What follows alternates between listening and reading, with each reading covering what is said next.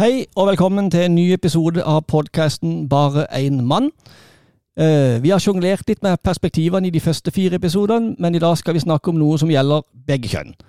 Og dette var jo meint å bli en mannepod, men jeg vet at podden også har en del kvinnelige lyttere, så jeg tror jo at også de kvinnelige lytterne vil ha glede av denne episoden. Trening og kosthold er jo noe som er viktig for oss alle. Og Kanskje dere i dag kan få hjelp til å få mannen slash kona opp av sofaen, og hva er vel bedre enn det? Vi må rett og slett snakke litt om hvordan det er å være en voksen, middelaldrende mann og kvinne, og hvordan man kan holde seg i form når man har passert 40. Det er så lett å si 'bare begynn å trene', men det er ikke så alltid lett i praksis. Det er mange ting som skal gjøres i løpet av en dag, og har du små barn, så er det jo alltid noe vanskeligere. Når kveldsmørket har senka seg, så er det ikke alltid man orker å gå på trening. Men det handler jo om å innse at det er til alles beste at mor og far holder seg i form. Og jo eldre du blir, jo viktigere er det å finne tid til det. Etter hvert som barna blir større, så burde jo også alle hindringer være ute av veien, og det er kun opp til deg sjøl å komme i gang. Til hjelp med dette temaet så har jeg vært nødt til å kalle inn eksperthjelp, og i dag er vi derfor ikke bare én mann, men tre menn i studioet. Velkommen til personlig trener Allan Vettrus og ernæringsfysiolog Henrik Lian. Tusen takk. Takk for det. Vi kan jo begynne litt med deg, Allan. Ja. Vi har jo vært venner siden vi var i slutten av tenårene, og jeg kunne sagt mye om det, men hvordan vil du beskrive deg sjøl? Ja, eh, nå skal vi jo først og fremst eh, prate om trening, og da vil jeg si at eh, rød, altså, trening har vært en rød tråd i mitt liv. Og du og meg har jo bl.a. spilt amerikansk fotball sammen i Stemmer. mange år. Og eh, jeg tror et av de tidligste minnene jeg har sammen med deg, selv om vi kjente hverandre før det, eh, det var en eh, veldig flott tur til Miami i 1992. Det er over 30 år siden. Overrasker over at du kan huske så langt tilbake nå. Ja, men det var en litt sånn, den var litt groundbreaking, den turen der, da, tenker jeg. Ja, stemmer. Mm. Men du har jo drevet med, med mye rart. Eh, vi, vi, må, vi, må, ta litt om det òg, før eh, vi begynner med de alvorlige tingene. Mm. Litt, litt, sånn kronologisk. For det, ja. jeg husker at du reiste blant annet jorda rundt før det ble vanligere å gjøre den slags. Ja. Um, jeg husker at jeg gravde skyttergraver og gikk på Nato-plank i Nord-Norge i 91. ja, uh, mens du levde reiselivet i sus og dus på andre sida av kloden. Si noen ord om den uh, jorda rundt-turen, for den var vel uforglemmelig? Ja, da var jeg jo eh, veldig ung, og det, det, setter jo på en måte litt sånn merke i det da, når du gjør det i en alder Jeg var vel 20 da, og eh, fikk jo vanvittige opplevelser. Og jeg husker blant annet jeg ringte deg fra Las Vegas. ja, jeg har det her i notatene. Jeg skulle spørre deg om det, om du husker det en gang. Ja, ja, ja, ja. Husker du tid du ringte?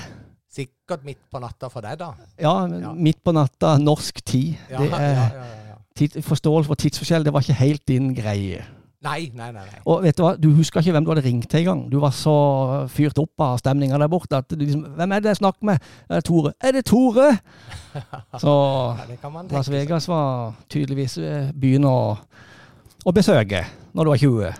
Absolutt. Og så, eh, så som sagt, så, så, måtte jeg jo komme meg hjemover. Og eh, da hadde jo du bl.a.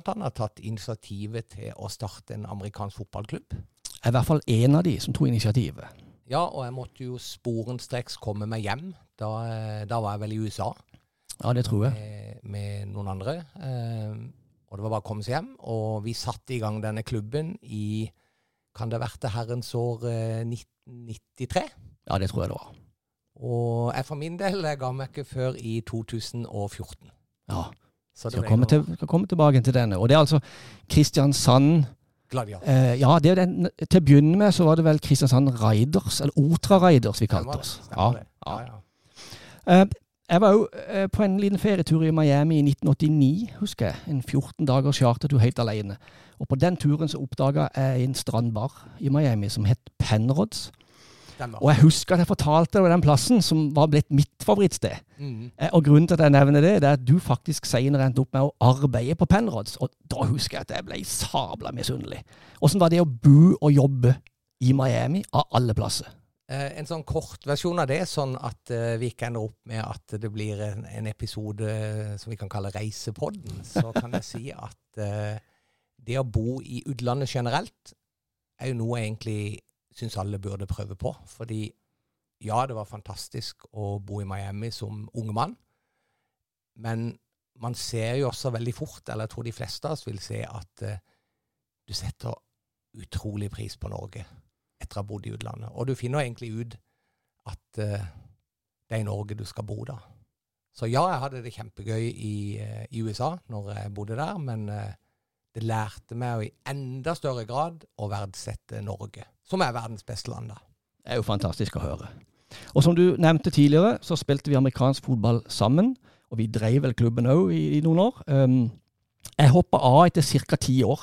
Da ble jeg eh, begynte å bli skada, og jeg hadde fått gifta meg og begynte å få andre prioriteringer. Men du holdt jo på litt bitt lenger enn det. Jeg holdt på fikk, i 21 år. 21 år, ja. ja. ja. Og så fikk dere en pokal òg. Ja, altså Lang historie kort der. Kristiansand Raider, som også Henrik eh, var jo også med i dette, så eh, bare så det er sagt. Eh, det det var en vits i mange år i, i, det amerikanske fotballmiljøet. Det var liksom klubben som bare tapte. Og vi ble litt latterliggjort. Og da var det usedvanlig gøy, i hvert fall de siste drøye ti-tolv årene som jeg var med. For da gjorde vi alle de spådommene til skamme, og vi, vi, bare vant og vant og vant. Og det kuliminerte med at vi endelig vant den NM-tittelen, som, som egentlig var uoppnåelig, da. Så, og det da kan vi jo pensle inn litt på det med trening, fordi at uh, det kom ikke gratis. Nei. Å, bli god i amerikansk fotball. Det var jo da du begynte å trene med vekter og sånn òg. Det var jo etter at fotballen var kommet i gang. Ja, jeg husker jo du og meg allerede på 90-tallet. Da var det jo ikke sånne fine satssentre og sånn som vi har i dag. Så da husker jeg da, da var vi jo nede der på eh, Det het vel Klubb David. Hvor vi løfta vekter sammen med en haug av tøffe folk. Veldig tøffe, veldig ja. store. Ja, ja, og de brølte med når de trente. Ja, de gjorde det. De gjorde det. Det, var, det, var, mye bro-science der Oi. nede. Eh, og en ting til. En gang så sa du til meg at du er den i verden som hadde mest kunnskap om totalt uviktige ting. Ja, f.eks. fotball. Ja, du, for du kunne veldig mye om engelske fotballspillere og sånn. Og det, jo, det, er jo selvsagt en kunnskap om altså engelske fotballspillere på 70- og 80-tallet. Det, det, er jo noe du aldri vil kunne få bruk for nå. Men, men, der, så feil kan man ta. For du har jo nå en egen podkast om engelsk fotball, øh, og den heter Generasjon tippekamp. Fortell kort om den før vi bytter over til Henrik. Ja, Generasjon tippekamp, som, øh, som du også har vært øh, gjest i ved et par anledninger. Det er en retropodkast om engelsk fotball lenge før det ble Premier League, hvor vi hvor vi hyller de gamle heltene som, eh, som, spilte for fansen, og i en tid lenge før sosiale medier og, og penger da gjorde sitt inntog i, i, engelsk fotball. Så det er meg og uh, Lars Erling Næss som, som, driver den, og det er noe vi syns er veldig gøy å holde på med. Absolutt. Bra. Henrik, som ble nevnt her, vi spilte jo òg fotball sammen. Ja, jeg, eh, jeg satt og tenkte på dette her, så husker jeg ikke helt om du slutta før eller etter at eh, de fikk eh, den her eh, kongepokalen. Nei, det var, det var, lenge før. Men jeg, jeg, var jo med på det stiftelsesmøtet. Å oh, ja, du var helt i begynnelsen? Ja, jeg var helt i begynnelsen. Og så var jeg en del år i militæret, så jeg var litt av og på på et, som jeg var i utlandet. Og så flytta jeg opp til Trondheim, og så ble jeg med litt uh, i klubben der. Ja, du var det, ja. ja men så, så fikk jeg en skikkelig smell i nakken som gjør at det knaker i nakken min ennå. Jeg, jeg, tror ikke du ikke hører det, men jeg hører det hver dag. Eh, og det gjorde at jeg ble veldig redd eh, når jeg skulle krasje, så jeg, så jeg måtte gi meg etter hvert, rett og slett. Ja, vi har alle fått eh, noen smeller som førte til at eh, vi måtte gi oss. Ja, kanskje ikke alle, men jeg fikk i hvert fall noen himla smeller, husker jeg.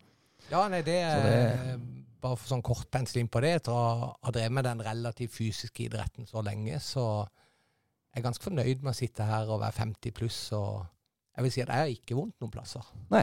Nei. Nei. Det føler jeg er litt OK. Det er godt at det er noen som ikke har vondt noen plass. det kan være det tilfeldig. Ja. ja. Uh, men ellers, Henrik, fortell litt om deg sjøl. Hva, hva, driver du med til vanlig? Uh, hva er du opptatt av? Uh, har du reist jorda rundt? Har du noen favorittsted rundt om i verden? Ja, jeg begynner med å reise. Det er en stund siden jeg reiste jorda rundt, men jeg stoppa ikke så mange plasser. Uh, den mest eksotiske plassen jeg stoppa på den turen, det var vel Bora Bora. Uh, Så, men det var en tur jeg, jeg, jeg reiste alene, men det var sånn backpacker, så du traff jo folk hele veien. Og jeg husker på, på Bora Bora, eller var på fly, flyplassen i Los Angeles, så møtte jeg på ei eldre dame fra Søgne som jeg kom i prat med. Og så viste det seg at hun skulle ut til ei av de øyene. Det var ikke Bora Bora, men det var Janøy. Og så møttes vi på den øya, og så tok jeg ei lokal sånn forsyningsferje ut via noen forskjellige øyer og sendte ut, ut på Bora Bora. Og så gikk jeg gatelangs der, og jammen kom ikke hun gående der òg. Jeg, jeg trodde jeg hadde reist mye, men eh, når jeg hører på dere to herrene, så skjønner jeg at jeg må pakke sekken og komme litt ut i verden igjen. Ja, men du har vært mye ute og reist, du. Jo da, det, Ola. det skal sies. Men som sagt, det er ikke reisepodden her. Eh, men det er kanskje vi kan gjøre, ha en episode om det òg etter hvert. Ja, ja, det synes jeg vi Men, men sånn som du, du er jo ernæringsfysiolog. eh, eh, hvor er du det hen? Eh, Ja, jeg er utdanna klinisk ernæringsfysiolog fra Universitetet i Oslo. Og så eh, har jeg jobba ganske mange år på sykehuset i Kristiansand. Eh, på medisinsk avdeling og Aha. noe i barne- og ungdomspsykiatrien. Men eh, mest i forhold til folk som strever med høy vekt og ikke ønsker å ha det.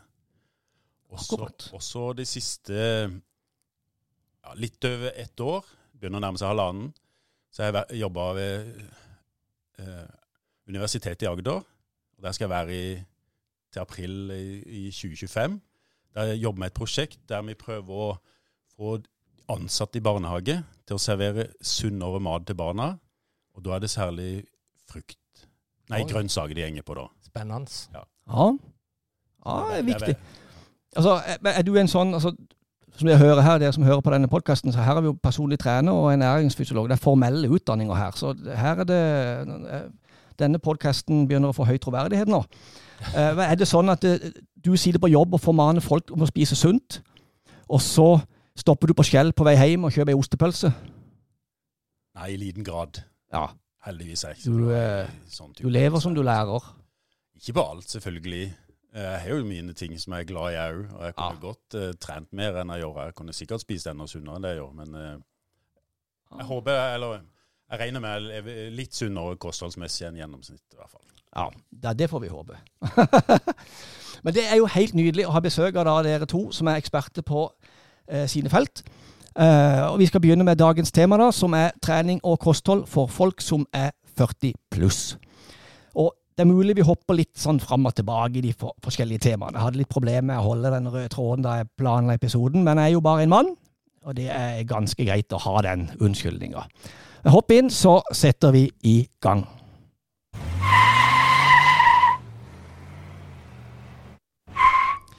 Og hvordan er det da med dere to? Kjenner dere alderen tynge litt innimellom? Sånn, har dere fått lesebriller, eh, og kjenner dere at det knirker litt i leddene iblant? Sånn, Allan sa jo nei, og du har jo egentlig allerede svart på det. Eh, Det knirker i leddene her òg, men jeg har heldigvis ikke vondt. Nei, Altså. Og så har jeg linser. Åh, kondolerer. Det er anbefaler, altså. Eh, briller, hvis man skulle trent sånn som man gjør, det hadde Ja. vart i fem-ti minutter. Ja. Ja, Ja. jeg bruker briller, men jeg er langsynt foreløpig, da, så det er ikke den eh, alderdommen som har gjort det foreløpig. Men eh, sier må nakken begynner å bli litt stivere etter den amerikanske fotballen. Ja. Men eh, det er ikke noe kronisk vondt, det er det ikke. Nei, det er greit. Men det, det er jo godt, da, det er som noen sier, at hvis du har litt vondt noen plass, så samtidig så kjenner du hvor godt du har det alle de andre plassene. Det er ikke sant. Vi må tenke sånn. Allan, i en artikkel du skrev, han kom vel i avisen òg, den, tenker jeg. Ja. Eh, den he, heter 40 feit og ferdig. Ja, det må det være en tiårs tid siden. Ja, den er ganske gammel. Du har skrevet et par artikler, men, eh, men det var den som jeg fant som ikke lå bak en betalingsmur. Og der, der skrev du følgende. Eh, før vi snakker om treningsmetode, så må vi avlive noen myter og en del av all motivasjonen i anførselstegn som florerer. Først og fremst, nei, du vil ikke bli i bedre form av kun å abonnere på alskens piller og pulver som de reklamerer for nonstop på TV. Eh, Det skrev du da, og det tror jeg de fleste er enig i. Eh, Skal man komme i form, så må man jo bevege seg litt. Eh, Men jeg følte meg litt truffet her. For jeg kjøper vitaminpiller i glass på butikken, og jeg blander ut proteinpulver og litt sånn til etter trening. Er det bortkasta penger, dette her? Allan Ja, Henrik? Nå kan jo Henrik eh, svare rent sånn nærings, men eh, det jeg vil bare kommentere der, at jeg tenkte ikke på om du spiser multivitaminer og tar deg en proteindrikk. Eh, når jeg skrev det, så tenkte jeg mer på folk som f.eks. bruker ufattelig mye tid på å joine et sånn nettverk av sånn og alt hva de heter, og, og, og, og abonnerer på eh, Tran-tabletter som er fire ganger i pris, da, bare fordi at Cecilia Brekkhus eh, sier du skal gjøre det. Det var mer sånne myter jeg tenkte på med, den, med den kommentaren. fordi om du, om du kjøper multivitaminer og, og drikker Tran, det er jo kjempebra, syns jeg. Men Henrik kan jo kan Ja. komme med det faglige innspillet på det. Ja. ja multivitamin og, og mineraler det vil nok ikke gi deg noe mer effekt ut av, ut av treninga. Eh, Spiser du variert, så, så vil du få i deg det meste du trenger. Men hvis ikke du spiser variert, så, så vil det jo hjelpe deg til å unngå å få mangler forskjellige ting. Men så, for det, det er jo ekte protein i boksene til Proteinfabrikken, for eksempel, i hvert fall. Eid av Tine Meierier, vel. Så. Men, eh, og jeg vil jo tippe men er det forskjell på vitaminene i glass fra butikken og det du får naturlig inn gjennom maten? Altså Det kan være litt forskjell, eh, uten at jeg kjenner alle av de. Men noen av vitaminene i tilskuddene kan f.eks. være bundet til et bæresalt, som gjør det lettere for tarmen å, å ta det opp. Riktig. Ok. Så, så det, det, men det trenger ikke være noe negativt. Eh, så det, vil si Som ernæringsfysiolog så anbefaler vi jo folk å spise sunt og få de næringsstoffene de, de trenger via kostholdet. Via maten, rett og slett. ja. Ikke Ja. Så, men eh, når det kommer til proteintilskudd, eh, så er nok det for mosjonister eh, ikke nødvendig. Nei. Eh, det er sånn at det, vi pleier å si sånn røftlig at en trenger ca. 1 gram protein per kilo kroppsvekt. I grunnen så er det litt lavere, men det kommer jo litt an på kroppssammensetninga du har. Eh, og så øker det litt grann, eh, hvis du trener, men da skal du trene nesten to økter om dagen. Ok. så, så det er ikke Så trent to til tre ganger i uka på et treningssenter, så egentlig så er det ikke noe å hente hvis du spiser litt sånn vanlig proteinrik mat. Du har litt ost og litt skinke og litt eh, kylling og ja, sånn. så, så lenge du har en vanlig, sånn, vanlig norsk kosthold eller vanlig nordisk kosthold, så inneholder det ganske mye proteiner. Og, og gjennomsnittsproteininntaket i Norge er ganske høyt, fordi vi har godt inntak av hvitt og rødt kjøtt og, eh, og melkeprodukter.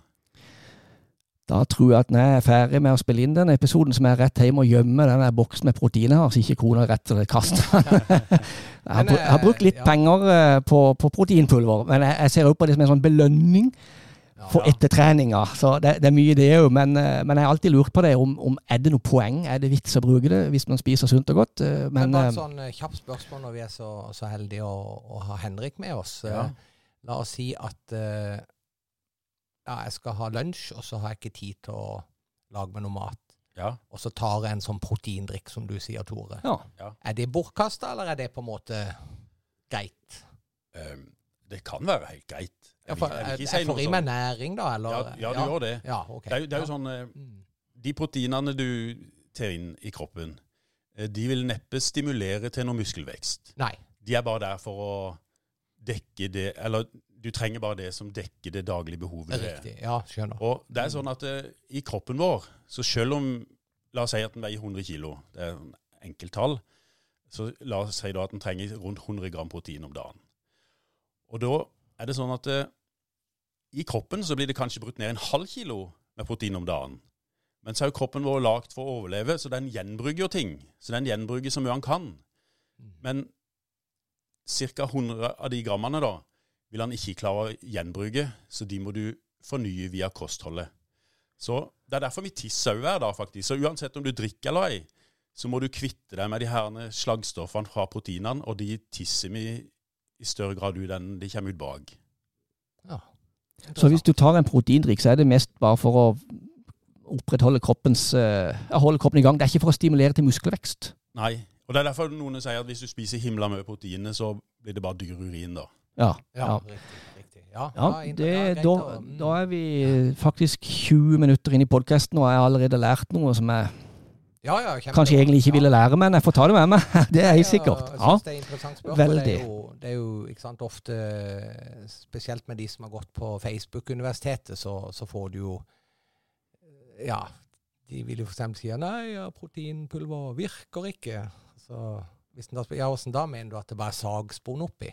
Men det, men det kan du da avkrefte, Henrik, at det er på en måte proteiner oppi ja. der. Men, Ja, det det holder, men det holder å spise mat. Du trenger ikke å egentlig ja i utgangspunktet, ja. Ja, Og så er det jo, er det litt Det kan være litt eh, forskjell på kvaliteten på Selvfølgelig. som er i. det kan du jo. Ja. ja Det, det med det her aminosyresammensetninga som er i. Så, så det er jo melk og egg gjenger jo for god kvalitet, og i forhold til planter så er jo soya rimelig bra. Kollagen er jo greit òg, men kollagen er jo Jeg vil tippe at mestedelen er, er, er fra slakteavfall. Så det er et restprodukt fra slakting som de ikke blir kvitt andre plasser. Og der er det noen av de aminosyrene som ikke kroppen vår kan brukes så godt på nytt igjen, da, noen av de essensielle.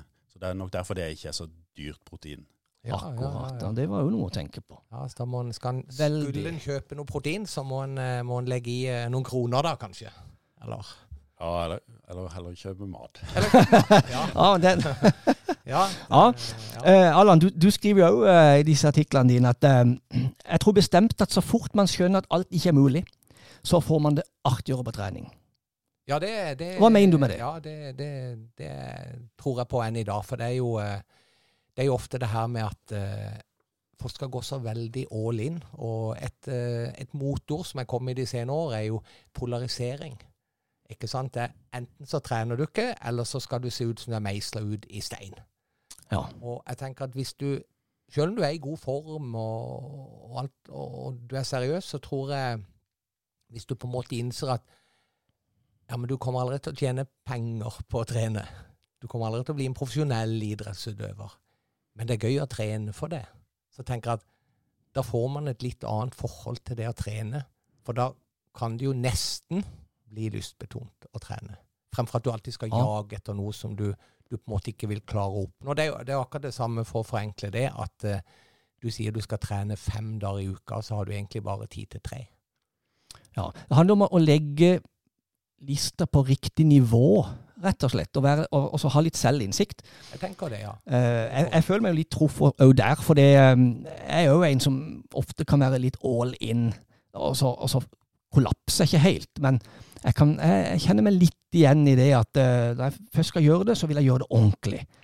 Og så, av og til da så blir det litt kanskje tungt, du har ikke hele dagen, og så, og så føler du at den treninga var egentlig ah, den var, ikke, den var ikke noe gøy, den var bortkasta. Men det er jo egentlig ikke det. Så måtte man burde bare være fornøyd med å komme seg på trening og gjort ei lita økt, og så si ja, ja, men det var det det var, og så var det greit, og så går vi videre på neste trening. Jeg tenker vi, vi, vi folk, altså vi mennesker, vi må, vi, vi må bli flinkere til å, å skjønne det, som du sa. At eh, det er jo aldri bortkasta å trene. Selv om du ikke hadde per definisjon den mest effektive treningsøkta, så er det jo mye bedre enn alternativet, for det er jo da å sitte hjemme. Ja. Og det Ja. er jo ikke bra. Ja. Nei, det er jeg helt enig i. Så um, den skal jeg ta til meg. Um, du har jo sagt at et av de dummeste tipsene som du hører man gir til folk som skal begynne å trene, det er hvis du skal begynne å trene, finn på noe du liker å holde på med. Og det, og det har du begrunna med at, eh, at det er dumt, altså. For det, hadde du likt fysisk aktivitet, så hadde du allerede holdt på med det. Antageligvis, ja. Også, eh, og det er interessant. Det kan vi, kan vi prate litt om, fordi at em, Det er jo noe jeg ofte kan høre av andre at Ja, men det er greit for deg å si, for du syns jo det er så gøy å trene. Ja. Og jeg, det er ikke ofte jeg bruker det ord, men av og til så hater jeg å trene. Men jeg går og gjør det likevel. Og det er sånn det er Selve treninga, i hvert fall hvis du trener hardt, det er jo ofte det er jo et blodslit. Det er jo helt forferdelig å trene. Det er jo ikke gøy en plass, men alt som skjer etterpå, hele livsstilen med å trene regelmessig og, og ha et noenlunde OK kosthold, det gjør jo til at sluttsummen blir så himla bra. Men eh, jeg sliter jeg sliter ennå med å finne noe som er veldig gøy med, med trening. For det er, jo, det, er jo, det er jo knallhardt å trene. Ja, jeg er helt enig. Det, det kan være ganske ubehagelig å trene, men eh, etter hvert som man kommer i form, så vil man kunne endre litt synspunkt, og så setter man litt mer pris på trening og det å, pre og presse seg sjøl litt. Men det er jo sånn etter ferie det er jo ikke mer enn Hvis du tar én måned fri på sommeren, og så skal du begynne å trene igjen. Den første treninga der det er jo helt pyton de første par ukene. Og da tenker jeg på hva med de som aldri har trent før? De som hører på nå, som er sånn 45 år, har egentlig ikke trent siden de var 15, og så skal de begynne å trene. Det må jo være Jeg skjønner jo at det er en barriere, at, at det er tungt. og og da må man jo komme i gang, men da må man kanskje bare komme i gang litt forsiktig. At ikke man liksom kjøper et årsabonnement på, på Sats eller, eller, hvor som helst, og så går man fem ganger i uka, som du sa i stad, og så skal man virkelig kjøre på, og så møter man veggen. Men kanskje man da skal begynne litt forsiktig, og så være innstilt på at det, ja, det vil være litt ubehagelig, men det er jo da man får resultater. Jeg tenker jo at uh, all trening er jo bra, men, men, jeg er ganske sikker på jeg ser, uh, Nå skal ikke si det her og si at jeg har trent uh, voldsomt mange mennesker, for personlig trener er ikke, er ikke jobben min per i dag. Men jeg ser jo at de som har lykkes godt, de har jo ofte begynt litt i det små. Hvis du aldri har trent ja. før, så tenker jeg da gå ut og gå litt tur. Det er jo helt fantastisk. Eh, og så må man sette seg noen målsetninger som er realistiske. For som vi snakket om i stad eh, Hvis du har en sånn idé om at du skal se ut som Thor i Marvel-universet, da skal du trene ganske hardt. Men hvis du bare vil ha bedre hverdagshelse, og det kan sikkert Henrik ta litt mer om, hvis du vil senke kolesterolet, du vil få bedre kondisjon, det er ikke så mye som skal til.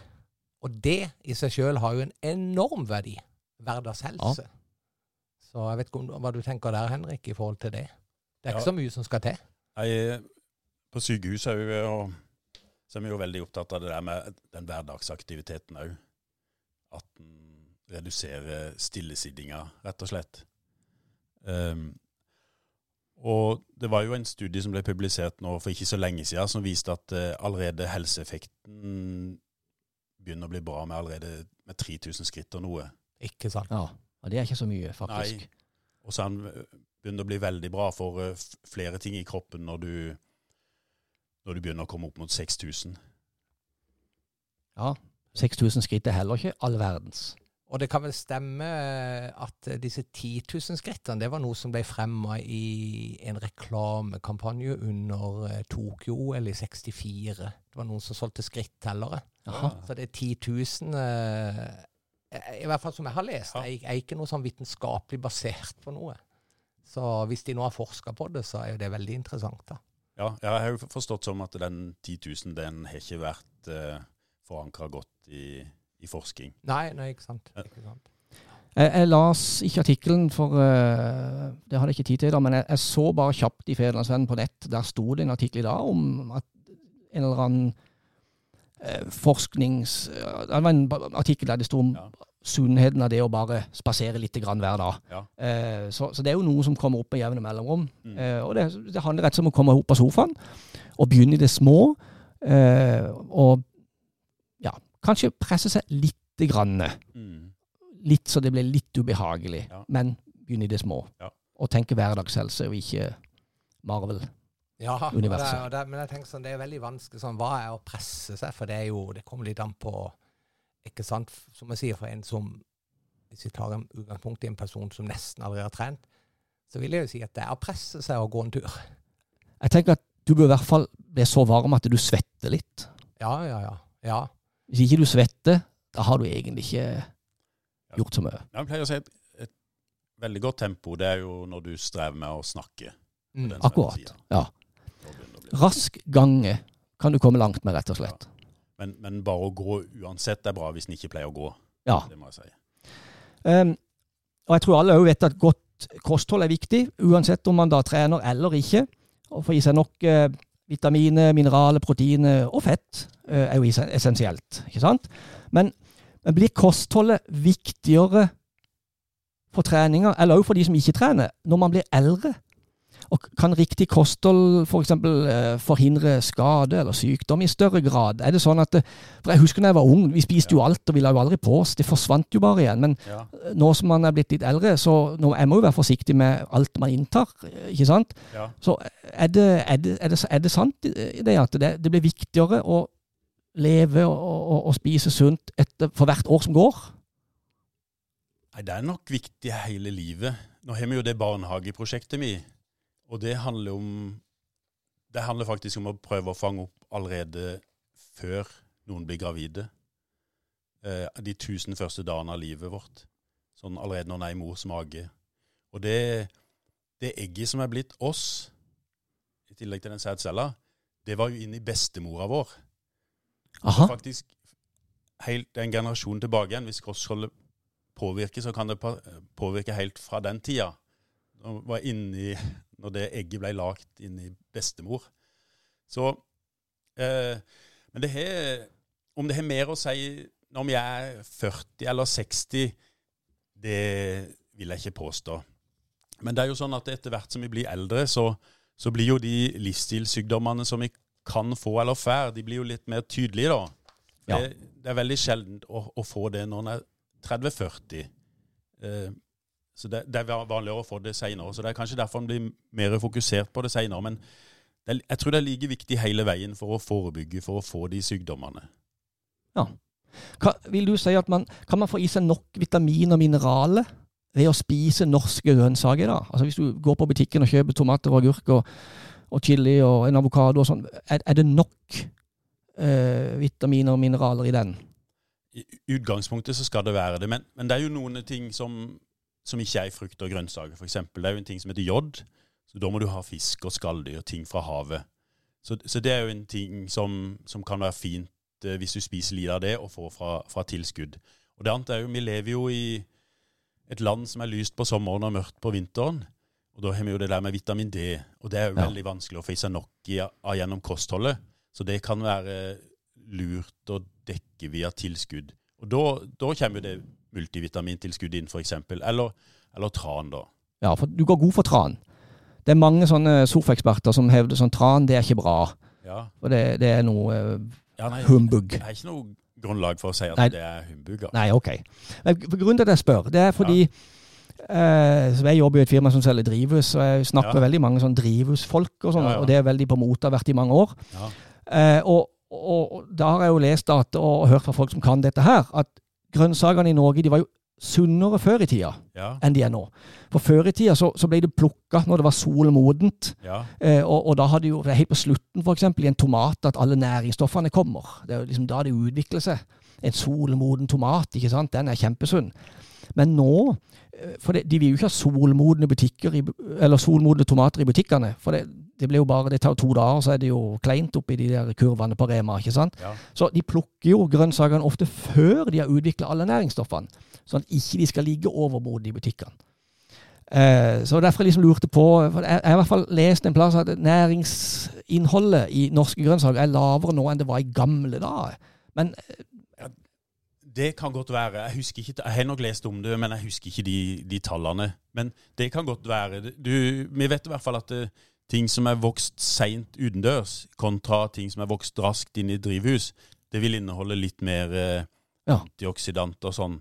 Og det Jeg vet ikke om du ikke har gjort det sjøl, men hvis en har en inneplante som er to stykker som er like, hvis en setter den ene ut på verandaen og den andre inne, så blir de seende litt forskjellige ut etter en stund, da, fordi de vokser opp under forskjellige temperaturer og solforhold.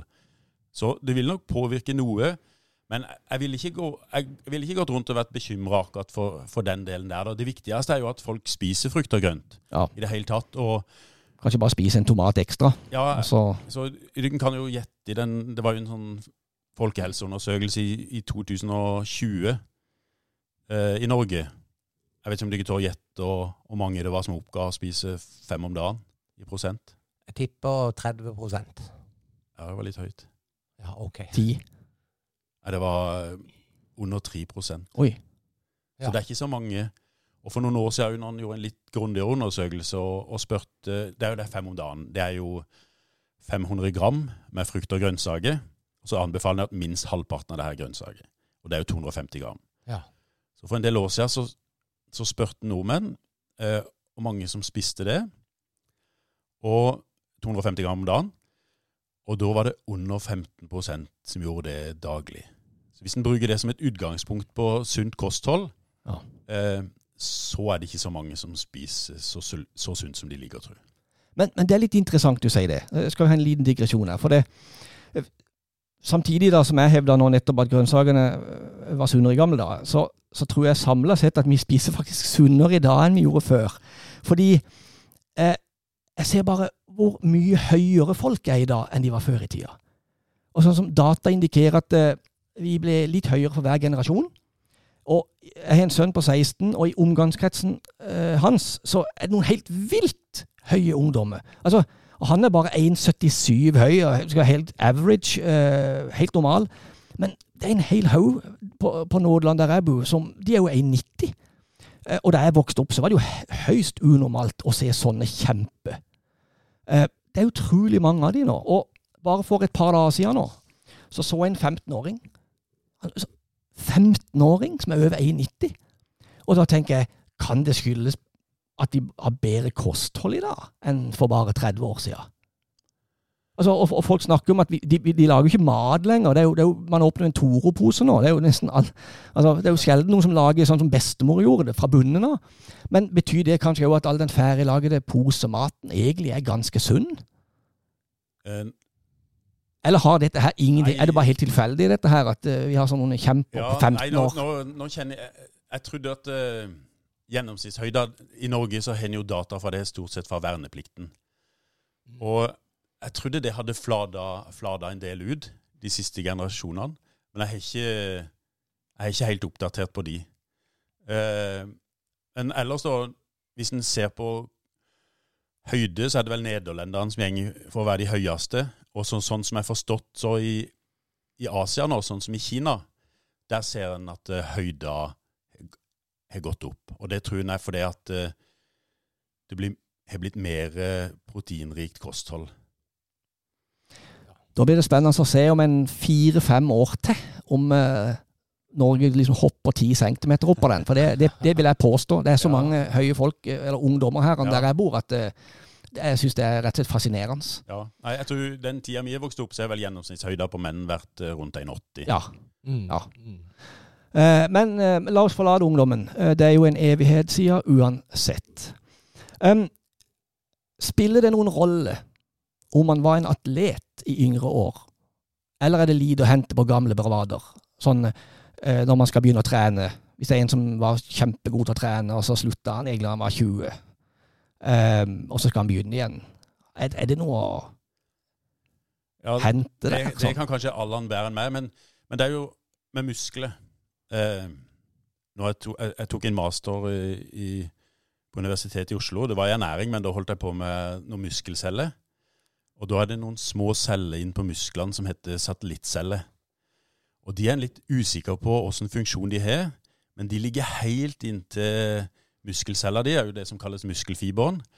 Og, og de tror en har en sånn funksjon at de ligger der for å reparere celler. Det er jo sånn at Når vi trener, så sier vi at det skjer sånn små skader i muskelen som trenger å repareres. Ja, stemmer. Og så, og så tenker en seg at de cellene der de kommer inn og reparerer. Og så er det sånn at eh, Tanken er da at eh, hvis du trener, at du kanskje får flere av de cellene.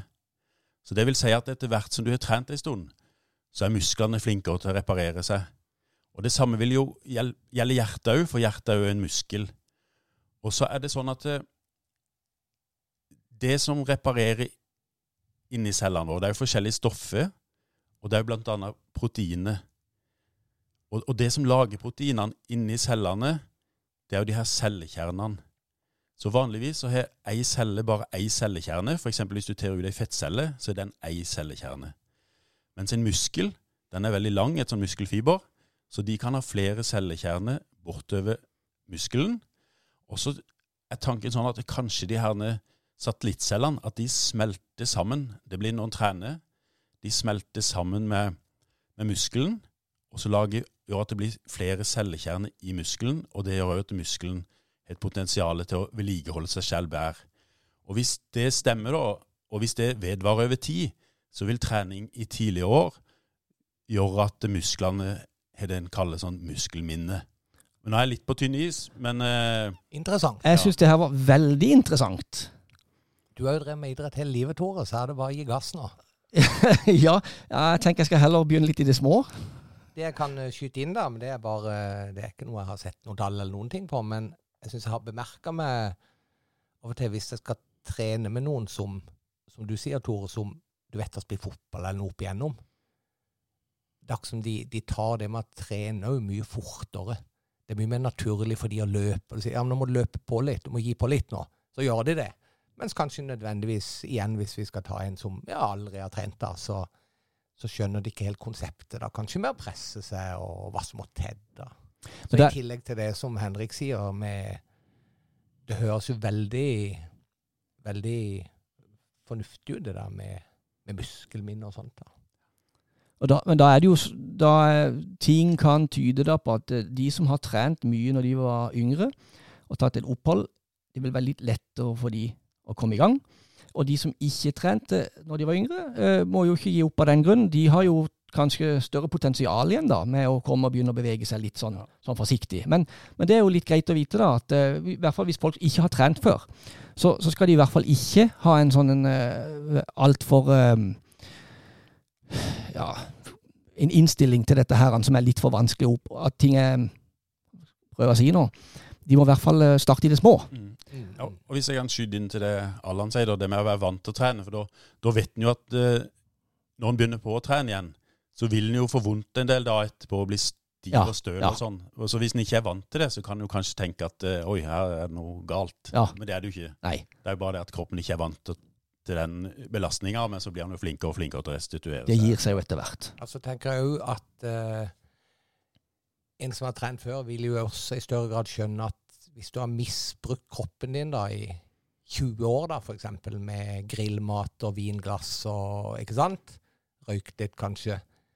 Så er det jo ganske logisk at det vil jo ta ganske lang tid å komme tilbake i form igjen, da, selv om du trener Ja. hardt. Og jeg, jeg, det merker jeg eh, Vi mennesker er, vi er litt for utålmodige. Det er sånn der eh, Ja, men nå har jeg jo trent i tre uker, jeg ser helt lik ut i speilen. Men jeg tenker sånn at ja, men du har eh, kjørt hardt i 20 år eh, med altfor mye mat og drikke og, og whatnot, så det vil nok ta litt tid, da. Og det tenker jeg muligens at eh, en som har trent før, vil være litt mer reflektert over. da. Mm. Ja, det, og det tror jeg er ganske, ganske viktig. Nå har jeg trent nå på treningsstudio nå sammenhengende i halvannet år. Og når jeg begynte å trene, så hadde jeg kanskje en T-skjorte som var litt grann trang allerede når jeg begynte. Men det, det tok et ett og et halvt år før hun ble for trang. Ah. Så, så, så det er liksom ikke som at man øker så voldsomt. eh, det tok ett og et halvt år før det ble litt merkbart. Så det er noen som sier at du må være konsistent, rett og slett. At du må, du må trene jevnt og trutt, og ikke bare ett år eller to år eller tre år. Men det er mye bare at det blir en livsstil. Så at det blir, altså, da tenker du ikke på det.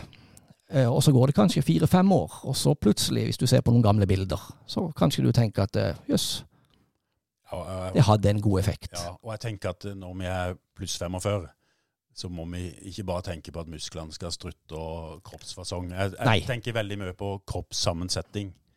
Ja, og det, det, har, det er bra at du går over på den, for det var det jeg ville spørre om nå. Om, om, eh, om hva er viktig å tenke på med trening og kosthold når man er oppe i årene. Om det skjer en endring i kroppssammensetninga, f.eks.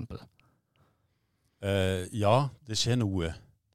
Uh, det varierer litt uh, hvilken eh, studie en leser på det. Uh, Din Men- studie. ja, ja, jeg kan si sånn generelt om det. Eh, en hadde jo tenkt seg veldig lenge at eh, når vi hvis jeg kan si si sånn bare energiforbruket vårt i et sånn tidsforløp, da. Hvis du tenker seg energiforbruk i forhold til, i forhold til per kilo kroppsvekt, så er den, så den Fra vi blir født, så stiger den markant til vi blir ett år. Og så fra vi er ett år og fram til vi blir 20, så synker den litt igjen. Kanskje 3% i året. Og så er det det som var veldig overraskende. Det her ble publisert i 2020. Og det som er litt gøy, da, det er faktisk at det, det ble gjort i 29 land. Og den som var med og bidro med eh, tall fra Norge, hun jobber på universitetet her i Agder. Eh, ja.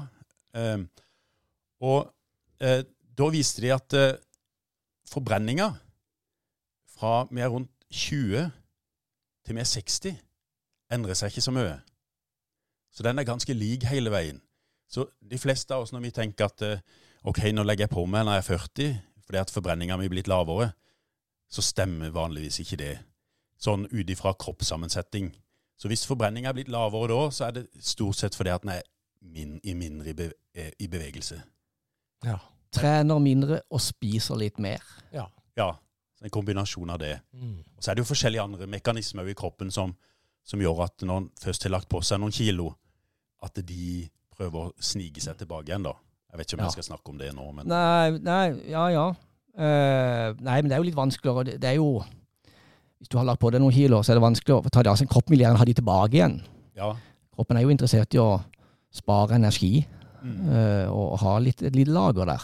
Ja, det jo Eh, men det var interessant. altså Forbrenninger, rett og slett. For det har jeg faktisk talt, det må jeg innrømme. Brukt det som en liten unnskyldning. Ja, At min forbrenning, det er ikke, den er ikke det den en gang var.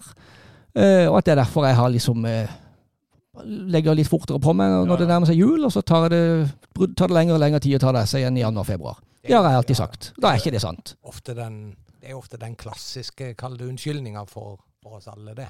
ja. At eh, ja ja, men jeg er jo ikke 29 lenger. Ja, så er det den, og så er det de som sier at de har tykk beinbygning. Ja, ja, det er jo jo bare noen ja, 100 gram. Ja. Ja, ja, ja. ja. For, det, for det, den, er, den irriterer jeg meg litt over. Det er som folk tror at, eh, at man har sånn skjelettet til en gorilla inni der. Den, eh, det er, den, er, den er fra Facebook-universitetet. Ja. Ok, ja, ja, ja, men det er bra. Ja. Ja, men det, det kan, hvis jeg kan si videre litt Ja, med, med den eh, forbrenningsdelen der, da, og kroppssammensetninga, det er det at eh, det vi kaller fettfri masse, det er jo muskler, det er organene våre og, og skjelettet som vi var innom. Det er alt det som ikke er fettmasse. Men så ser det ut til at eh, fettmassa, eh, den stiger noe fra når vi er 20. Så for menn, det her er snittall da, så, og ingen mennesker er som et gjennomsnitt. Men snittallet for menn når de er rundt 20, er rundt 19% Så 19% eller ca. en femdel av kroppen, er fettvev. Og når du har blitt 75, eh, så er den, det gjennomsnittet steget til 29% så det vil si ca. 10 Og så for damer, eh, når de er rundt eh, 20, så vil fettprosenten være rundt 30, altså ca. en tredel av kroppen. Eh, mens gjennomsnittet for en 75, eller 75 år gammel dame, det er, det er rundt 40. Så det er jo 10 forskjell, da. Mm. Ja.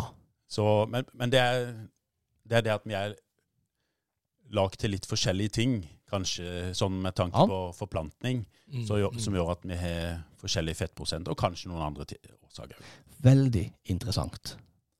Og så er det jo at det fettet det forflytter seg litt òg. Når vi er unge, så har vi eh, ganske godt med underhudsfett. Det er jo det som gjør oss mjuke og gode å ta i. Eh, mens etter hvert som vi blir eldre, så legger vi på oss mer inni buken. Det er inni bukhula, innenfor magemusklene. Og det er der vi ikke ønsker at fettet skal være. Det er det som er assosiert med hjerte-karsykdom og diabetes type 2. Du ser buken, det er det vi på godt norsk kaller for vomma. Ja, Ja, ja, ja. Klubb Ja. David kalte det kanskje tromma før, tror jeg. ja, ja, ja. Eh, jeg, apropos Klubb David, da. Eh, jeg trener på Shapes, eh, som er da treningsstudio, eh, to til tre ganger i uka. Og så har jeg et program som tar meg 1 time og 15 minutter å gjennomføre. Eh, og trener jeg mer enn det, så mister jeg energien, rett og slett. Jeg føler ikke at det er noe Da går jeg bare rundt og vaser. Men noen trener jo i mer enn to timer, noen trener i ja, gud, to og en halv, tre timer. Men hvor lenge, Allan og Henrik, kan man trene? Bør man trene når man først er der? Er det, er det forskjell på, på det om man er 20 år eller 50 år?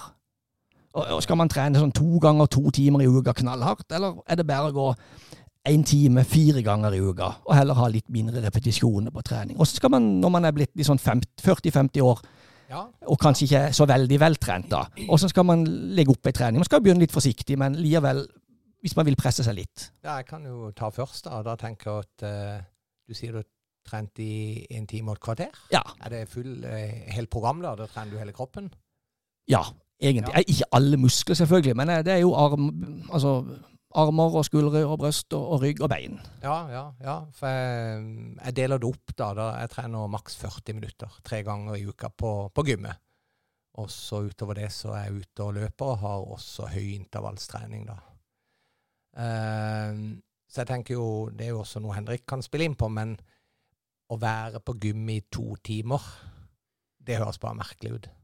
Og uten at jeg har noe tall på det, det er mer sånn observasjoner for eh, sånn nå i sommer, så bestemte jeg litt for at når jeg gikk ned på gymmet, så skulle jeg gå litt på mølla i bakke. Og eh, mølla står helt sånn bak på et litt sånn platå, så jeg kunne se utover hele gymmet. Og da syns jeg det var litt sånn i gåseøyne Vet ikke om skremmende er riktig ordet, for, for det har ikke så mye å si for min del, men helt sinnssykt mange som sitter på benken og fikler med mobilen. Ja. Og så tar de og løfter litt, og så sitter de og fikler med mobilen i flere minutter. Hva tenker du, Henrik? Det er jo ikke vits å være på gymmet i timevis. Nei, det, det her er ikke min sterkeste side, akkurat treningstid og sånn. Men eh, nei, jeg tenker jo hvis den er der lenge, så er det jo fint for det sosiale. Mm. Men hvis jeg bare snakker for min egen del, som ikke vil gjelde for alle andre, men jeg foretrekker at det, er, at det gjenger litt unna når jeg først er der. Mm. Ja, det vil jeg jo. Jeg vil inn og jeg vil ut. Ja. For det, det, er, det er ikke noe gøy, egentlig, å være på gymmet. Nei, da, Eh, da kan du jo prate om en sånn veldig sånn høy terskel hvis du Hvis det tar deg kanskje to timer på gym, For da er du sånn Har jeg tid til dette? For da begynner jo tida å spille inn. Ja. Men, men hvis man da skal trene to timer, Ja. hvordan bør man da spise for å få nok energi til den treninga? Altså ikke hvis du sitter og bare ser på mobilen, da, men hvis du faktisk uh, trener ganske godt på. Eh, skal man bare spise havregryn? Eller må man lade opp med noe, noe mer variert eh, kosthold sånn en time eller to før treninga? Og, og hvis du skal bare trene 45 minutter, må du spise noe i det hele tatt? da, Sånn ekstra for å få litt energi til treninga? eh, Eller har du energi i blodet uansett, alltid? Sånn til ei kort økt? Ja, til kort økt. Ja, for det, når jeg trener et, en time i kvarter, så Ja. hvis jeg går en time etter jeg har spist middag, så tenker jeg da holder det. Da, da, da spiser jeg ikke noe mer. Ja. Men hvis det går tre timer, så tar jeg alltid en liten bolle med havregryn først. For jeg er livredd for å gå tom, for det er så kjipt å gå tom midt i økta. Sånn. Men så, Ja. hvordan skal man spise? Hva er best å spise? Og hvordan skal man spise før man går inn og løfter vekter? For vanlige mosjonister så trenger ikke å tenke så veldig mye på akkurat det med, med, i forhold til blodsukkeret. Det er jo sånn, For de som holder på med sykling og, og, og, og utholdenhetsidretter, som holder på veldig lenge å trene, Ja. eh, de kan, kan godt ha noe påfyll underveis, og de må jo passe på væskebalansen og sånn òg. Eh, I hvert fall hvis det er varmt. Mens eh, hvis en har bare en sånn timesøkt, Ja. så trenger en ikke å tenke så mye på det. For det, det er sånn at inni levra vår eh, så har vi et eh, sukkerlager som er ca. 100 gram. Og så inni musklene våre så har vi òg et sukkerlager som er kanskje på 400 gram. Så det sukkerlageret der, det vil musklene De vil jo bruke fett òg under treningsøkta, men det vil de tære på mens en trener. Så det vil, når du spiser igjen seinere på dagen eller dagen etterpå, så vil det oppreguleres igjen, det lageret. Så så det vil du gå inn i med treningsøkta. Så det, det du, jeg, jeg tror ikke det er mulig å bruke opp på en time. Så, så hvis du da skal vil komme i form, litt god hverdagsform, samtidig som du vil ha deg noen kilo, da er det jo best å ikke tilføre noen flere kalorier, da. Da er det jo bedre å bare la kroppen og levra jobbe litt eh, Ja, vi, vi pleier å si det sånn at det, det, det er veldig vanlig når en begynner å trene, at en blir litt mer sulten. Ja. Og det pleier, den ekstra sulten en pleier å få, den kompenserer for det ekstra behovet en har. Så det er ikke nødvendigvis at en trenger å tenke så himla med på det. Nei. Og for noen, eh, Det her var jo når jeg studerte, det blir en del år siden. Da hadde vi en fra Olympiatoppen som var innom og fortalte om Da hadde de testa ut med proteinet, eller proteinrik mat, om de gjorde forskjell om, på muskelutvikling i et sånt treningseksperiment. Om de fikk proteinrik mat fem ganger om dagen, eller tre ganger om dagen. Nå hopper jeg litt fra karbohydrater til proteiner. da. Men de fant ikke noen forskjell i Nei. utviklinga sånn. Så, så kroppen vår tar nok til seg den næringa han trenger i de, de måltidene han spiser i løpet av dagen, og så fordeler det ut etter behovene til det vevet som trenger det. Så tenker jeg sånn ut fra sånn eh, studieperspektiv, da, så eh, det finnes jo ingen bedre å studere på enn deg sjøl. Så det er jo egentlig Mm. Jeg kan ta meg sjøl som et eksempel, der, for jeg har de senere årene begynt å trene på morgenen. Trener klokka seks på morgenen. Og da står jeg opp, og jeg er et B-menneske. Så for meg er det litt sånn prestasjon, da. Står opp, drikker en halv liter vann, og så pusser jeg tennene, og så tar jeg med meg en kaffe i bilen på vei til gymmet. Og jeg har akkurat like mye energi på gymmet da. Og da har jeg jo ikke spist noen ting. Og, og da trener du 45 minutter ca. 40-45 Ja, minutter. ja. Ja, Ja, men, men da, er det, da, da, da svetter jeg, og da gjør jeg det jeg skal, og jeg har ganske høy snittpuls. Og så er jeg ferdig. Det Ja. går akkurat like bra som å gå etter jobb. Og jeg merker litt sånn eh, morsomme eh, tilbakeblikk her til Vi snak, har jo snakka litt om når vi trente på Klubb David på 90-tallet. For da var vi jo veldig opptatt av dette her. Da, det var jo voldsomt rutineprega. Man kom hjem fra jobb, og så skulle du spise, og så skulle du vente, var det vel to timer, og så skulle du ned og gjøre dette rigide programmet, da. Ja. Men jeg tenker jo at eh, bare slipp deg løs, og bare, bare gi gass, altså. Det om du har spist eller ei, det har, tror jeg i hvert fall, ingenting å bety. Eh, vi har alle hørt at eh, variasjon det er livets krydder. Men hvor viktig er det å ha variasjon i kosthold, og hvor viktig er det å ha variasjon i treninga? Ja, der kan jeg jo spille inn om treninga, og så tar, eh, tar Henrik kostholdet. Jeg har satt opp tre punkter for å lykkes med trening, da, i, enten som mosjonist eller, eller at du har denne planen om å, om å bli som Thor. Eh, og det er tre punkter, og det er variasjon, variasjon og variasjon.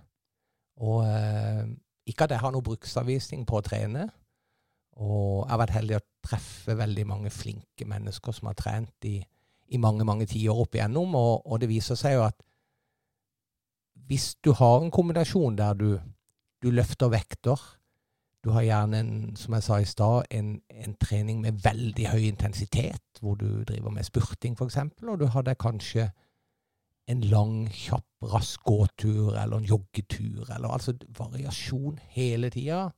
Også på gymmet. Hvis du har trent noen måneder med noe, så må du finne på nye øvelser.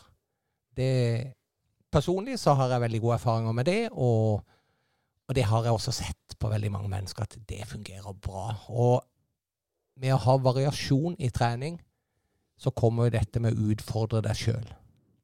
Fordi veldig mange igjen, hvis vi drar tilbake til Klubb David, hvis du var veldig god i benkpress, så var det veldig gøy å trene.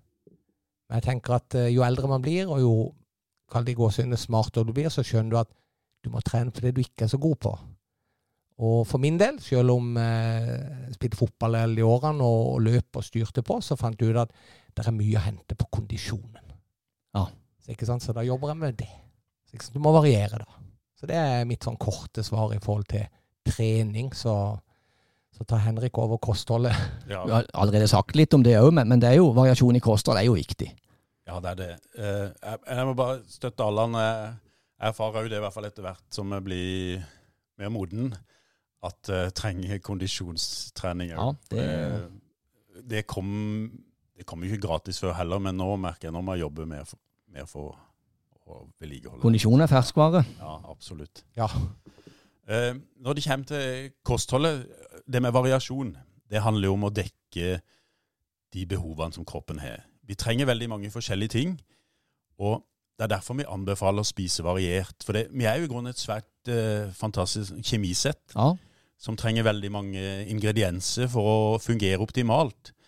Så det med å putte inn de forskjellige stoffene som kroppen trenger i en balanse, det tenker vi er veldig bra for kroppen.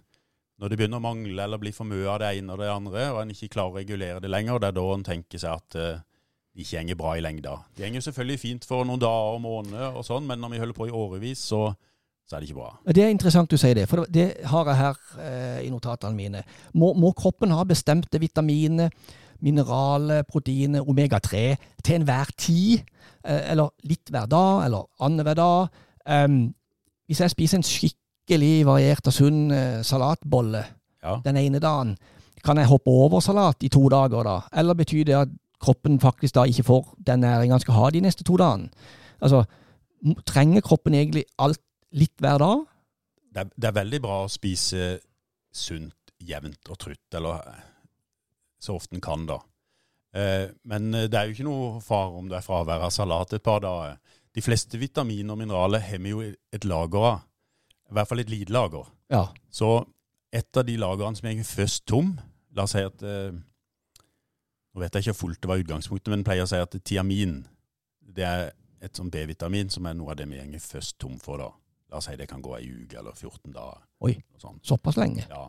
Men så, så er det jo sånn at eh, kalsium, som jeg er opptatt av i Norge, det har vi jo et lager av, da, men det er jo hovedsakelig skjelettet. Ikke sant? Så du, du ønsker jo ikke å tære på skjelett i, i lange tider. Eh, og, og vitamin D er jo litt spesielt, for det, vi vet jo hvordan noen forskjellige vitaminer og mineraler lagres i kroppen. Men vitamin D, det ser ut til det Jeg er ikke helt sikker på det, men det ser ut til at det forsvinner inn i fettvevet. Og så blir det nødvendigvis ikke mobilisert helt akkurat når vi trenger det. Sånn at det, det kan jo være lurt å få i seg jevnt og trutt. Men nå på sommeren er det jo ikke noe problem. Sol. Sol. -hmm. Ja, Hvis den er kortarma i et kvarter når det er sol sånn som i dag, så har en jo fått den dosa en trenger. Ja. Men, men da er det jo ikke noe krise, da, hvis det er Altså, du spiser en salatbolle den ene dagen, og neste dag så åh, jeg orker ikke lage salat i dag. Så, så, så går det greit. Du har, Ja. Kroppen får det han skal ha. Ja, Men det, det med salat og, og frukt og grønt eh, og kornprodukter sånn òg, da tenker en jo fiber òg. Ja. Så det er en av grunnene at en blir opptatt av fiber, eller det er jo mange grunner til det, men det er jo for tarmhelse. God tarmhelse. Ja. Kostfiber. Ja. Vi pleier å si at å spise fiberrikt det er som å ta meg ut tarmen på en joggetur. Oi. Ja. Ja, Så, det er interessant. ja, for det, når en ser på Det er sett litt på Det er noe som heter divertikle. Det er i siste delen, eller det er helst i siste delen av tjukktarmen. Jeg vet ikke om du ikke har hørt om de før? Divertikle? Ja, Jeg har aldri hørt det ordet Nei. før. Men uh, det, det er bare å kjøre på. Ja. Dette liker vi. ja det, det ser ikke så bra ut. Uh, hvis du ikke tenker deg en ballong som er sånn halvveis blåst opp, og så, som passer inn i hånda, og så klemmer litt på den, med fingrene spriga, så vil det danne seg noen sånne Tyte ut litt mellom fingrene. tyd ut, ja. Mhm. Og det er det som kan skje i tarmen òg, etter hvert som vi blir eldre. At det skjer noen sånne uttydninger. Eh, og det er vi litt usikre på for å skje, men det korrelerer noe med fiberinntaket. Så en tenker seg at lite fiber i kosten det kan gi økt risiko for sånn divertikler i den siste delen av tjukktarmen. da. Så, så det vil si at du har en slapp tarm, rett og slett. Og de der divertiklene, det er ikke så vanlig å få det en kaller divertikulitt, eller eh, betennelse i de, men det samles òg møkk inni de, ikke sant? For det er jo, Ja. det er møkk i den delen. Så Og det klarer ikke form, Altså, tarmen klarer ikke å kvitte seg med det. Det blir liggende over tid, da. ja, det kan bli liggende og spinne litt inni Litt sykdom på gang der, da, kanskje. Ja, Ja, det blir jo- Men Vi må ikke krisemaksimere for mye, da. Men, Nei, nei. men grunnen til at vi sier med fiberrik mat, det er derfor det er bra å ikke spise eh, salaten hver dag, eh, men at en har jevnt og trutt med fiberrik mat, Ja. det er fordi at det, det er med på å beholde en del av væska i avføringa. Så det gjør det lettere for tarmen å få ut og kvitte seg med dritten, rett og slett.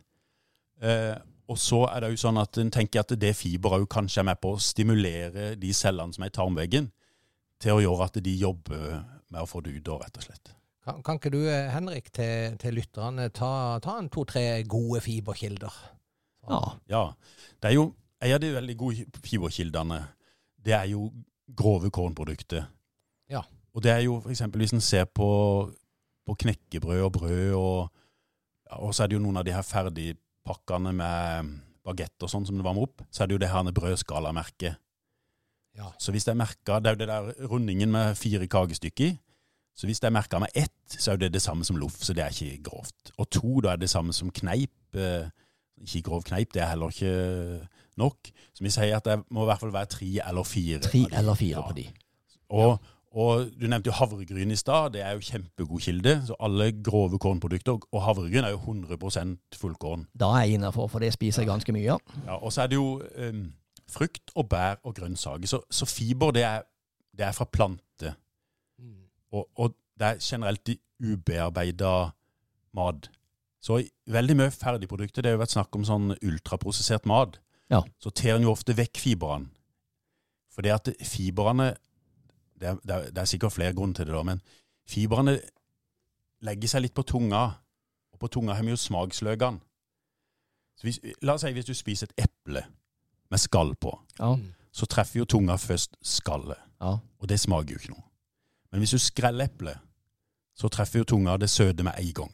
Ja. Og det er litt sånn de gjør det når de prosesserer maten òg. De tar vekk fiberet, fordi at smakene skal dette rett opp i smaksløkene våre. De skal rett og slett selge mer, for det er Ja. ingen som kjøper et produkt som ikke er noe godt. Nei, for det gjør at, eh, at vi vil ha mer av det, rett og Ja. slett. Og det tror jeg òg kan gjøre at eh, Selv om ikke det nødvendigvis er så mye mer kalorier, og sånn, men det kan gjøre at det blir så himla godt at vi spiser litt mer enn vi trenger, og det kan bikke oss i, Ja, ja, ja. ja. In, i in, retten.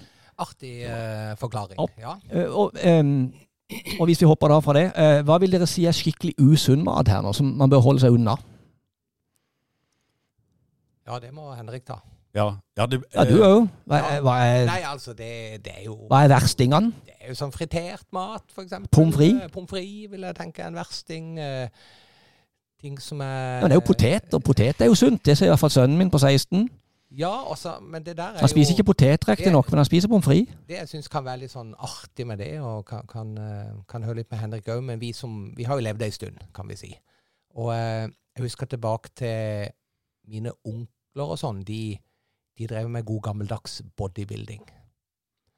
Back in the day. Vi snakker 70-tallet her. Og Mm. da, da var det jo hardkokte egg, og så skrelle de, og så kaste den gule plomma, da. For, og så bare sitte og spise det. ja. Og så husker jeg 90-tallet, som kanskje var vår tid i forhold til når vi begynte å trene. Da, da var det hvit ris og tunfisk rett under Ja, det husker jeg jo. Mm. Eh, og så jeg sånn, mens, og poteten har jo lenge vært en slags versting inni her, men den er plutselig litt inn igjen nå. Eh, og hvit ris, det er jo den store satan plutselig. Så jeg, sånn, jeg merker det er lett å bli forvirra på, Ja, ja. på hva, hva er bra og hva er dårlig. Men vi kan vel slå fast at sånn alt mulig som har en haug av sukker i seg, og dårlig metta fett, er jo ikke bra, da. Og det, jeg tror jo alle egentlig vet om de spiser sunt eller ei. Altså Hvis du går på gatekjøkkenet og kjøper skikkelig sånn old school pommes frites, så ja, det er godt, men du vet jo at ikke det er bra, da. Så jeg vet ikke hva, hva du tenker, Henrik, i Ja, forhold disse kostholdsrådene og sånt? Jo, jeg er veldig enig med det. Nå, nå var det ikke som, Det var ikke så mye som noen ønska om sånn prosessert mat i, i, i kostholdsrådene. Men jeg tror det som driver kostholdet vårt mot usunt, da, det er, det er ofte de billige ingrediensene. Og det er hvitt mel, og det er sukker, og det er de her forskjellige fettypene. Mm. Og de, de blandes sammen i forskjellige eh, mengder, i forskjellige produkter, men med bare litt forskjellige tilberedningsmåter. Og det er de tingene der som driver oss mot mer usunne ting. Alle de beste tingene, Ja, det, ja. så, Rett og slett. Ja, det er jo det er jo å finne en moderasjon. For de som kjenner meg godt, så vet at det er de, best, de tingene jeg liker Ja, best. ja, ja. Hvitt sukker og hvitt mel og sånn. Ja. Men eh, og i Allands podkast, Generasjon tippekamp, der er man veldig glad i å kaste terning. Ja. Ja, veldig bra. Det kommer en sånn eh, til Henrik, jeg vet ikke du har hørt på hans podkast, men de spiller gamle, gamle fotballsanger og sånn av forskjellig kvalitet, og så kaster man en terning. og Det er veldig, veldig fornøyelig. Eh, jeg har derfor laga en liste her med, med noen ting som jeg sjøl er veldig glad i. Oh, ja. Ja. Og så skal vi på en skala fra én til seks, der seks er best og sunnest. Eh, rett og slett, hva slags terningkast vil dere gi peanøtter? Da kan du eie først, og så kan Henrik er jo litt mer fase. Ja, ja, ja. ja for ellers så lener du deg på hans ekspertise. Så Ja. peanøtter, det er jeg veldig glad i. Og sånn. Ja, eh, og hvis vi da snakker i moderate doser, så gir eh, peanøtter, eller peanøtter som noen kaller det, eh, gir det en firer. Og så vil jeg si at eh, vi snakker jo om hva jeg liker godt, eh, Ja. og da er det ikke moderate doser. Ok, Jeg er litt all in når jeg skal kose meg. Ja. ja, Så, så det er gjerne litt mer enn moderat. Litt grann mer. ja men, eh, men da blir du en lavere score hvis du spiser en hel pose. Men jeg tenkte peanøtter som konsept, det gir en Ja. fire. Fire. Ja, ok. jeg Ja. Henrik, Ja. Så må Henrik si hva han gir. ja. Det kommer jo alltid Når det kommer med, med kosthold, så handler det jo alltid om mengde òg. Mm. Så i, i studiet som en ser på hjerte-kar og sånn, så er faktisk nø- peanøtter det det, det er jo en belgfrukt, men det er definert ofte som en nødd i de studiene. Og Da er faktisk peanøtt òg med i de her hjerte-kar-studiene. Og, og da ser en at det er å spise nødder je- jevnlig, sånn ca. 30 gram om dagen, det er veldig sunt. Eh, og da fortrinnsvis usalta nødder. Så usalta peanøtter nei, nei, nei. Man kan ikke Ja. spise usalta peanøtter. Det smaker jo ikke godt. I det hele- Vi snakker om eller? prosesserte, Ja. salta peanøtter og Ja. nesten en pose. Og det er jo mye energi i dette her. Ja, Ja, men jeg kan ikke gi fire hvis du spiser hele posen. Nei, tre kvart pose, da. ja. Ja, For da får du to. OK, så en terningkast to. Men peanøtter som konsept jeg ja, fire. ja, ja. Ja, men la, la, Det kommer an på da. Det, jo alltid, det er jo alltid sånn i kosthold òg. Hva spiser du istedenfor, eller hva spiser du mindre av noe annet? Så hvis det, hvis det, hvis det er sånn at du Det kommer da- alltid i tillegg. Ja, så, nei, det, da gjenger vekta opp hvis det, gjenger, hvis det er i tillegg. Det er det hun gjør. Ja, ok. Så Nei, det, alt det blir jo Jeg vil ikke si alt, men det er forskjellige grader av ting. Men eh, ting blir jo usunt når en spiser for mye av det sjøl, hvis det er sunne ja, ting. er sant. Men jeg ville gitt det Hvis det er salt i Ja. Ikke noe særlig Bolle i peanøtter. Vil jeg i hvert fall gitt fire pluss. Det er et Oi. Ja. Oi. Og peanøttsmør og, og, og sånn òg regnes for å være et sunt pålegg. Det er gode nyheter for meg. OK, så da har vi en toer der, fordi Allan vet at det er fråtselig. Og så Ja, har vi en men- fire pluss. Ja, men Eller du var jo, du var jo Jeg ga jo fire. Ja, du gjorde det. eh, Ja, Ja, ok. Men, men det er fin eh, referanse. Så peanøtter får fire, og, og fire, fire Ja. pluss Ja. på en terning. Du er på en firer, da. Ja, Det er jo en terning her. det er- Ja, det er nesten en- Jeg jeg spiller rollespill, så det er med jo terning med 20. 20 oh, ja, OK. Ja, ja, ja. ok. Men Så jeg spiller bare eh, Monopolet. ja, men eh, Men det er greit. Fire og fire pluss. Og så Ja. popkorn. Morus og moru. Det er den beste popkornen. Popkorn, det, det gir jeg også en firer. kan jeg si litt lenger eh, Svare litt langt? om Ja, ikke for langt. Nei. Nei, det var en ernæringsprofessor for noen år siden. Han sa jo at eh, når du popper, så popper du jo hele kornet. Så popkorn er fullkorn, da. Ja, Eh, å ja. Ja, akkurat. Ja, ja, ja. Det kommer an på åssen olje og fett er fritert i, eller poppa i, da. Nei, ikke, på, ikke sånn at det renner Så det- olje. det Nei, nei. Poppa i u, u, Så vil jeg si Ja eh, Nødder og sånn vet en jo er sunt, så sånn sett det blir litt feil. Men jeg sier en firer, da, fordi Ja. det ikke er så kaloririkt. Og du, Ja, du, det er, det er mye, mye luft når man spiser det. Ja, ja. Uh, chili nachos. Sånne chili-trekanter, sånn chips. Vet da søren. Ja, Jeg tror det er nachos det heter. Ja, ja, de er den røde posen der. Ja, det er noe Sånn, sånn. Som, ja, ja. ja. Eh, to. To. Ja. For det er en sånn hipsgreie. ja, Jo, det er jo det. Ja, jeg kan ikke komme på noe positivt utenom Oi. at det smaker veldig godt. ja. Så Så en einer, da. For- For du må trille. Ja. Trill terning. Én, to og én. Eh, ostepølse. Sånn, Ostepølse. ostepølse med sånn bacon på, som du kjøper på, Ja. på eh, Jeg vet nesten Ja, jeg Før vil etter det trille- Statoil, men- Jeg vil trille to terninger med en gang her. På eh, smak og hygge så triller jeg en eh, klokkeklar sekser. Oi, oi, oi. Ja. På eh, Ja. næring og sunt og fint som mat eh, to. ja. Ja, um, Men det er det- veldig godt. ja. Ja. um, ja, la oss si en det er, det er jo veldig mye kalori i de her tingene. Så Vi snakker jo bare som er ikke- best og sunnest, ja, da. Så det er jo klart at det, det får en eh, Men det, det, når du er næringsfysiolog, så, ten, så, tenker en på så mange ting Ja. som, eh, som skal henge sammen her. Ja. Så sånn sett blir den popkornskåren òg i hampa, da. Men uh, Uh, Nei, jeg kan ikke Jeg sier vel jeg sier én. Ja, men det Men det er jo proteiner her og sånn. Ja. Så det er jo det er alltid noe det er noe Ja. her. Ja. Uh, en ting som jeg er veldig glad i, det er is. Altså En to liters boks med is eh, den kan forsvinne fort. og Det er jo 4000 4000 kalorier det. Til én fotballkamp, f.eks. ja. Uh, så og hva vil du si, Det er jo himla godt, men uh, ja, du Nei, der må du få en ener av meg. einer Ja, hvis du spiser hele boksen. Det er jo helt rått. Det, Av og til det er så faktisk imponerende. Så spi- du, Noen ganger så spiser jeg bare én liter, og så tar jeg liter nummer to dagen etterpå. Så det er fredag og lørdag, f.eks. Ja. ja, ja, ja, skjønner. Ja. Ja, Ja. vi- Hvis jeg skulle bedømme det ut fra Men- ditt inntak, da, så vil jeg gi den ene. Ja, Men, eh, men ellers så vil jeg gi den Er det litt proteiner? To- to år, er to eh, år, ja. ja. Nei, det er ikke, noe, det er ikke mye sunt med is. Det er kos. Ja, det er i gang kos. Ja. Men, men jeg vil jo si det, hvis jeg skulle ha trilla en terning på kos, så hadde jeg trilla en sekser. Ja, ja, på kos, ja. ja. Ja, ja, ja. Hva, hva med lettis? Hva skal vi trille der for terning? Lettis? Det fins jo noe sånn lettis. Jeg har aldri spist det. Jeg har veldig lite erfaring med det, men jeg har forstått at uh, det er lite kalorier i det, men uh, antageligvis lite næring òg, så skal vi si en treer. Jeg følte når jeg sjekka det med kalorier, så ble jeg veldig skuffa. Jeg tenkte at det må i hvert fall være halvparten så lite kalori. Men jeg tror ikke det var det engang. Jeg tror det var sånn det var tre fjerdedeler av kaloriene oh, ja, til vanlig. ja, ja, Det var nesten ingenting under. Ja, ok. Så du, du er ikke en treer da? Nei, og så er det noe jeg har vært veldig lite borti, så det blir Ja. nesten gjetning, men eh, ja, en to, To, jeg kjører en av Henriks rollespillterninger og tar to, to pluss. To pluss. Ja, jeg er enig med Allan. Jeg har faktisk ikke spist uh, lettis, men det var bare en sånn så lenge vi hadde vanlig is der. Uh, hva med sjokolade? Altså alt, melksjokolade, for eksempel. Ja. Altså, der har jo du og meg en historie, Tore. Har vi? Ja, fra når vi var i 20-årene. Det, når vi satt og så United-kamper, og vi spiste så mye sjokolade at det, det var jo helt galskap. Det Ja. rauste jo ned sånne plater. 250 grams. Ja. ja du, du, du var verst, fordi du var ferdig med den før avspark. Ja, ja, ja. ja, ja. ja du, du drøyde litt. Men, eh, men igjen, det er jo altså sjokolade det er jo, det er jo min kryptonitt, da, for å ha referanse til Supermann. Og eh, sjokolade Jeg må gi sjokolade en sekser. ja. Ja! Noen Både på trivsel og på, på sunnhet og Nei, jeg kan, jo ikke, jeg kan jo ikke gi det på sunnhet. Da er du sikkert ned på to. Ja. Ja, ja. ja. Ja.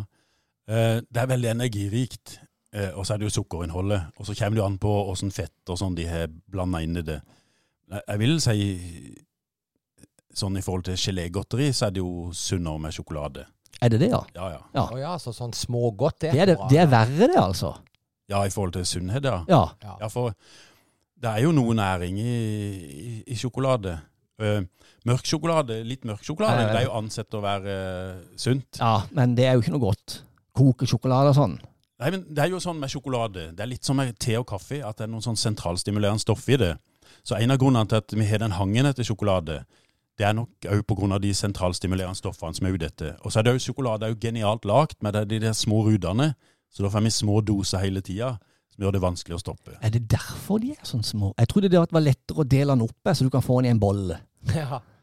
Ja, Jeg, jeg er spiser jo hele sjokoladen når jeg først er i gang. Hvis du Ja, var- spiser to var- liter is, så spiser du i alle fall en sjokoladeplate. Eh, og så går vi videre til, til min kryptonitt, det er marsipan. Marsipan, eh, ja, der gir jeg en eh, klar ener. Oi. Også på trivsel. Oi, Ja, ikke noe det var ikke pent. Det smaker det var slemt. bare sukker. Ja. Ja, der kommer du an på sukkerinnholdet. Hvis- det er no, noen av de er jo helt forferdelige. Noen er jo søtere enn andre, Ja, det er det. Men hvis det er en sånn heimlagt eh, En med, veldig med mandel i, Ja. eh, så kan det jo være Men- en firer, vil jeg si. Men la oss ta den her eh, Nidar, eh, gode gamle uh, grisen Ja, jeg til ser for jul. meg den hvite Den- der uten sjokolade på. Ja, den- det, det, går opp, det går opp med en gang det er Ja, sjokolade nett- på. Nettopp Ja. den. Mm. Hva tenker du? Jeg, jeg liker det veldig godt, men uh, Ja. Ut ifra helse med Hvis jeg sammenligner med gelégodteri, da, så vil jeg gi den trier på grunn av Da hørte vi det her alle sammen. Ernæringsfysiologen fra Sørlandet sykehus og uh, Universitetet i Agder, han faktisk talt anbefaler marsipan her. Han ga det terningkast tre på sunnhetsskalaen. Men det vi, vi, vi, vi, må, eh, det vi må Vi må litt til bunns i den, i fall du ikke har den på lista, fordi eh, det vet jeg jo veldig mange spiser. For det jeg hører du sier sånn gelégodteri, Henrik. Ja. For da tenker du sånn smågodt som du Sånn, kjøper på Euro. sånn røde fisker og sånn. Cola Ja, Ja, for det blir jo Ja. sukker med Ja. gelatin som er forskjellig farge i. Ja. Det er bare dårlig, eller?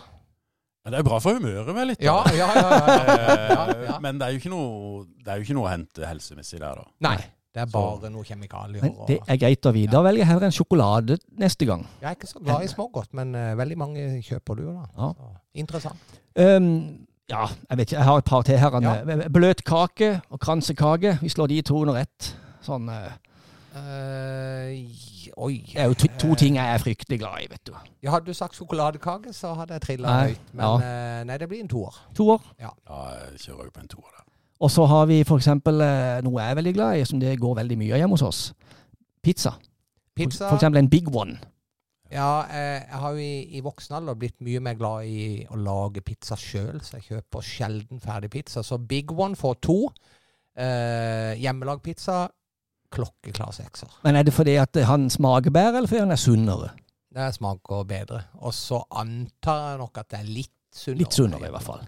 Mulig, Ja. det kan jo Henrik. Ja, jeg er jo himla glad i pizza. Ja. Så det var et fint spørsmål. Ja, jeg er enig i 1-2 på en sånn en eh, Grandiosa, og så er det heimelagt. Der kan du jo regulere hvor mye løk du vil ha i, og mye Mm. paprika du vil ha i, og, og grov bond du vil ha, og med ost du vil ha på og sånn.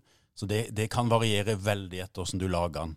sånn som jeg lager den, så er det kanskje en fire-fem år. Men en, en sånn uh, Dr. Ødker-pizza, pizza, den må være sunnere. Det er i hvert fall mindre. En sånn. Ødker, det, Ja, det, ja, det, er jo, det må jo være helsekost. Bare Nei, eller- det, det er bare navnet, vel. Ja. Oh, ja. Ja, du har jo han doktor Alban òg. Ja. Å ja. Så, Jeg, jeg, jeg kunne fortalt en del om pizza, men jeg vet ikke mye tid vi har. Vi må ha en egen episode om det, tenker jeg. ja, det skulle hatt Ja. en egen, en egen pizzaepisode. Det passer bra i Ja. bare en mann. Det er notert. Når, når en ser assosiasjonsstudiet, i hvert fall, så, så er høyt inntak av pizza det er assosiert med høyere vekt. Og da går vi heller videre. ja. Um, når man skal begynne å trene på et treningsstudio, så er det mange som lurer på bekledning. Det er i hvert fall veldig mange som snakker om dette her. Hva er greit å gå med? Og jeg opplever jo at singlet, det er kun lov hvis du er pen dame, muskuløs mann eller muskuløs dame, men ikke bare en pen mann, sånn som meg. Eh, hva sier dere til det? eh, Der er jeg veldig eh, liberal. Eh, folk må gå med akkurat hva de vil på gymmet, for min del. Ja. Ja. Det har jeg ingen formening om, og ikke Du lar deg ikke irritere av folk? Nei, nei, nei. Det, og der, eh, det er greit du tar opp, for, for det sitter jo tre tilårskomne menn her. Eh, Det er veldig viktig å jobbe med daglig med GGG, eh, grinete gamle gubber. Ja, og ikke bli det, ja. Så ikke gidd å irritere deg over hva folk har på seg på gymmet. Ja, For jeg ser, jeg. jeg ser. Jeg ser mange som trener i utslitte joggebukser, hullete T-skjorter, og noen trener med hettegenser og hetta på, Ja, ja. og, og lue midt på sommeren, var det en som hadde i gang. Sånn, eh, ja, ja. eh, og, og, og jeg tenkte, ja, jeg, jeg, jeg, jeg lar meg heller ikke irritere over det, men, eh, men jeg har liksom... Jeg går med caps når jeg trener. Ja, sånn men så, hvordan skal lytterne til bare en mann som nå ble inspirert av denne episoden her, og så skal de begynne å trene, og så går de på shapes eller sats, og så skal de og Hvordan skal de kle seg da når de kommer på gym? De har kanskje ikke vært på gym i mange år. Skal de gå og kjøpe seg noe dyrt, eh, nytt, eh, fasjonabelt treningstøy, eller Nei, nei. finner du en, en gammel shorts Ja. og ei T-skjorte, og så er det helt greit? Ja, jeg tenker ja til det siste der. Ikke, Jeg spør for en venn. Ja, ikke gidd å bruke noe penger på det. Ta ei T-skjorte og klippe armene om det er det om å gjøre, og så bare går du og trener. Ja. Ja, ja. Eh, det eneste jeg tenker, uh, hvis du har tenkt å opp på mølla, og om du skal løpe litt, eller kjøre bakke der, så kan du kjøpe deg noen gode sko.